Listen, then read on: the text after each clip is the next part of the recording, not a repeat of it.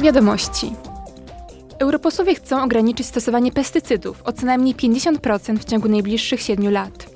Ponadto do 2030 roku należy o 65% ograniczyć użycie tych pestycydów, które szczególnie zagrażają zdrowiu ludzi i środowisku.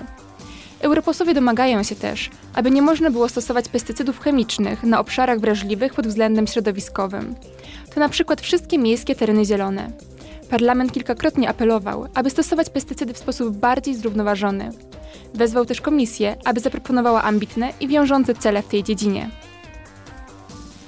Komisja Ochrony Środowiska przyjęła propozycje przepisów dotyczących opakowań. Rocznie każdy Europejczyk generuje prawie 190 kg odpadów opakowaniowych. Nowe przepisy ułatwią ponowne wykorzystywanie i recykling opakowań oraz mniejszą ilość niepotrzebnych opakowań i odpadów. Będą też propagować wykorzystanie materiałów pochodzących z recyklingu.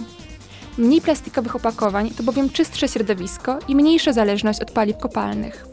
Europosłowie chcą też, aby konsumenci mogli korzystać z własnych pojemników na żywność i napoje na wynos. Również w tym tygodniu europosłowie zaproponowali nowe rozwiązania, które mają poprawić warunki pracy i życia artystów i pracowników sektora kultury. To przede wszystkim dyrektywa w sprawie godnych warunków pracy pracowników sektora kultury i sektora kreatywnego oraz prawidłowego określania ich statusu zatrudnienia. Europosłowie chcą też, by powstała europejska platforma, która ułatwi wymianę najlepszych praktyk. Ponadto planują wprowadzić zmiany w unijnych programach pomocy finansowej dla artystów, takich jak Kreatywna Europa. Głosowanie w tej sprawie zaplanowano na listopadową sesję plenarną w Strasburgu.